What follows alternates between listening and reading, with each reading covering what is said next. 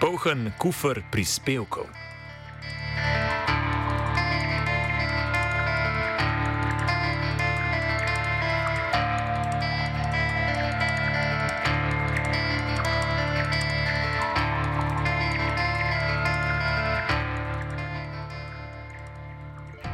Včeraj so poslanci v državnem zboru na izredni seji sprejeli deseti paket ukrepov za omilitev posledic epidemije COVID-19. Ukrepi bodo državni proračun obremenili za predvidoma vsaj 180 milijonov evrov. Zakon je prejel 46 glasov podpore, proti jih je bilo 42. Poleg poslancev vladne koalicije in slovenske nacionalne stranke so zakon podprli še trije poslanci Desusa, oba predstavnika manjšin in nepovezana poslanka Mateja Udovč. Proti so bili v strankah koalicije ustavnega loka in nepovezani poslanci.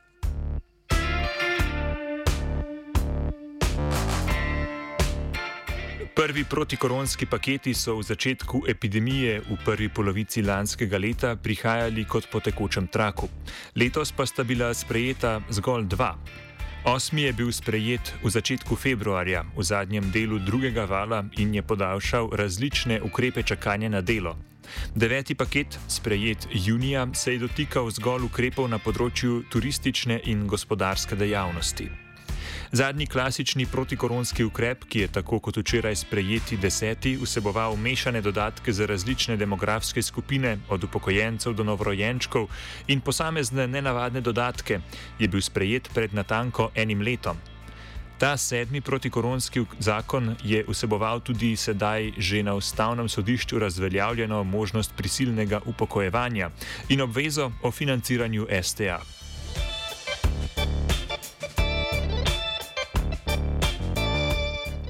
Glede na to, da je od izbruha epidemije in od nepredvidljivo spreminjajočega širjenja virusa minilo že toliko časa, je veliko nasprotovanja vzbudilo prav to, da vlada ponovno sprejema domnevno protikoronske ukrepe v obliki paketa, ki posega v veliko število zakonov. Še najbolj neposredno sta se na omejevanje epidemije nanašala 63 in 64 člen. Ti bi vladi dali zakonsko osnovo za sprejemanje odlokov o omejitvah zbiranja, opravljanja dela in izvajanja storitev. S tem bi vlada dobila pravno podlago za odloke, ki jih je v prvih dveh valovih epidemije že sprejemala, a jih je na to ustavno sodišče spoznalo za neustavne. Toda v parlamentarnem postopku je koalicija oba člena črtala iz zakona.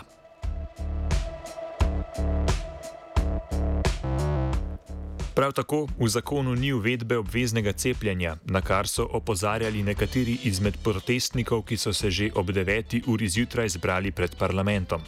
Okoli tisoč se jih je zbralo na Trgu republike, odkudar so se odpravili na krajši sprehod po Ljubljani, med drugim do ustavnega sodišča, na to pa so se vrnili pred parlament. Protestna množica je bila po udeležbi sodeč sestavljena iz veteranov srednjih proticepilskih protestniških kadrov, vključno z voditeljem stranke Resni.ca Zoranom Stevanovičem in Ladislavom Troho.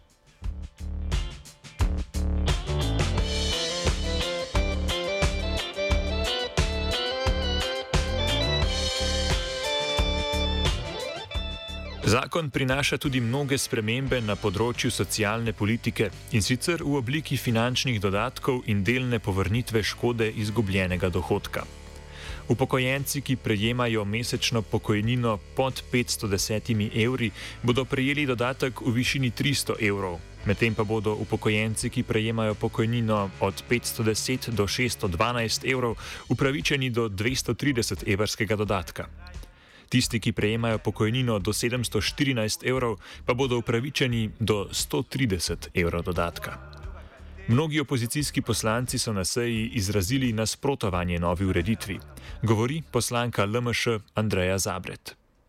Uh, ja, zdaj uh, v PKP-10 se ureja en kup zadev, kateri tudi niso ravno interventne narave, uh, se pa tudi uh, dodajajo uh, dodatki, kot so za pokojnine. Problem pa je predvsem višina uh, oziroma tista meja, do katere uh, so upravičeni uh, upokojenci do solidarnostnega dodatka. Uh, namreč vlada se je odločila, da bo dala oziroma dodatek samo do pokojnine 714 evrov. Uh, v opoziciji smo dali v bistvu dodaten amandma, kjer bi ta cenzus dvignili, kjer bi v bistvu prišlo uh, večje število upokojencev do tega dodatka, vendar se vlada Eh, ni odločila, pa ni sprejela našega amendmaja, tako da se nam to ni zdelo ravno prav, ampak vsekakor bojo en del pokojnicev uh, dobili ta dodatek. Ko pa smo zabred vprašali o smiselnosti teh dodatkov za upokojence, glede na to, da že tako ali tako prejemajo pokojnine, pa je ta odgovorila. Ja, zdaj ta dodatek uh, je pač namenjen uh, zaradi trenutne COVID situacije. Vendar moram reči, da to je bilo tudi uh, mnenje uh, Združenja gospoda Sušnika, um, predsednika ZDUS-a, da pravzaprav vsi morda kateri drugi trenutno bolj zaslužijo kot upokojenci, ker so bili še vedno uh, deležni pokojnin ne, ampak uh, pač uh, bodo dobili vseeno uh, nek dodatek, ki ga bodo lahko uporabili. Poleg upokojencev bodo finančne dodatke v višini 150 evrov prejeli invalidi in kmetje starejši od 65 let, ki imajo manj kot 592 evrov dohodka in ne prejemajo pokojnine. Vlada pa je poskrbela, da se v svežnju ne pozabi na najmlajše in zato novorojenčkom rojenim do srede leta 2023 namenja enkratni dodatek v višini 500 evrov. Po ocenah vlade naj bi protikoronski svežen državno blagajno obremenil za dodatnih 180 milijonov evrov, kar bo vodilo v še večje zadolževanje v času, ko se je javni dolg v Sloveniji močno povišal. Ja, vsekakor bi morala biti država bolj premišljena in kar se tiče stroškov trenutnega PKP-ja oziroma finančnega učinka dejansko ne vemo, kakšen bo. Uh, v, prvi, v prvem koraku je bilo rečeno 180, uh, zdaj ne bi bilo celo 280 milijonov, tako da ne vemo, kakšen bo finančni učinek tega PKP-ja. Po drugi strani moramo pa nekaj vedeti. Uh, vlada še vedno prihaja z interventnimi zakoni v državni zbor, a epidemije nimamo. Ni razglasila epidemije, na to, na to vprašanje tudi nismo dobili včeraj odgovora, zakaj ne razglasi epidemije. Vemo pa pravzaprav zakaj, ker denarja v državni blagajni ni več in um, je bolj enostavno vladati z odloki na tak način, kot uh, se pač dela.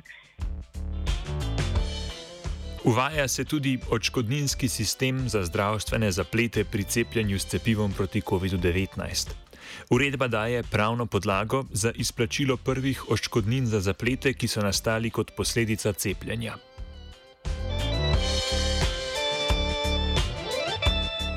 Največ prahu v desetem protikoronskem zakonu je dvignilo zvišanje najvišjega plačnega razreda, ki ga lahko dosežejo zdravniki iz 57. v 63.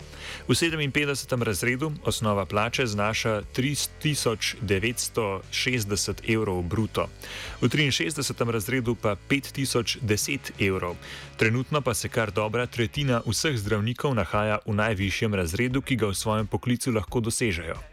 Vlada trdi, da je ukrep izpolnitev obljub vlade iz leta 2016 o zvišanju zdravniških plač. Kot je povedal Gregor Zemljič, pa v sindikatu Fides kljub temu niso povsem zadovoljni.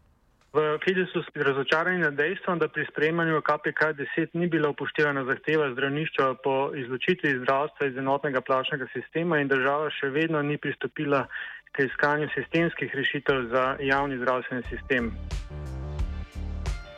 Spremembe se bodo sicer dotaknile samo zdravnikov v najvišjih plačilnih razredih, saj bo njim tako omogočeno napredovanje po plačilni lestvici, ne pa tudi mladim zdravnikom. Novo sprejeti zakon KPK-10, ki naj bi veljal zgolj eno leto, niti ni neposredno uporabljiv. Pričakujemo, da bo Ministrstvo za zdravje še ta teden predlagalo ustrezne rešitve v poklicni kolektivni pogodbi za zdravnike, s katerimi bodo vsaj začasno sanirali nastala nezdržna plačna razmerja med zdravniškimi poklici, še posebej pa napram mladim zdravnikom. Kot je včeraj v odgovoru na poslansko vprašanje povedal tudi sekretar na Ministrstvu za zdravje Robert Cugel, so te spremembe šele podlaga za nadaljna pogajanja o zvišanju plač. Spoštovani poslanec, jaz nisem rekel, da se plače ne bodo dvignile. Jaz sem povedal, da se bo za tem členom odprl socialni dialog in takrat bomo videli, ali se bodo plače dvignile ali ne. In to sem izjavil. Nisem pa izjavil, da se plače ne bodo dvignile.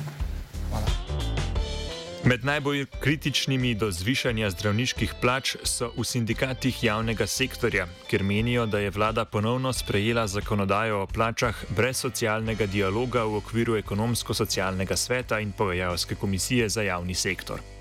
Vodja pogajalske skupine sindikatov javnega sektorja in vodja sindikalne centrale Pergam Jakob Počivalšek je napovedal še, da bodo člen o zdravniških plačah spodbijali na ustavnem sodišču.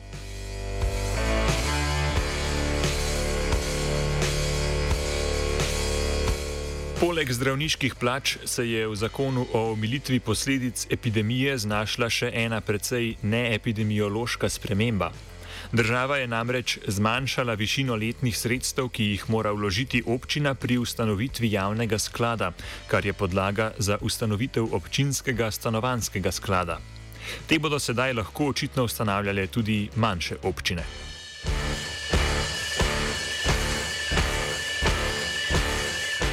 Težko se je znebiti občutka, da je deseti protikoronski zakon nastal iz kombinacije inercije, saj se je koalicija navadila sprejemati nekatere zakonske spremembe v obliki svežnja, v katerem se znajdejo vsakovrstne zakonske spremembe, ki pa jih izven koalicijski partnerji vlade morajo podpreti zaradi radodarnih socialnih dodatkov.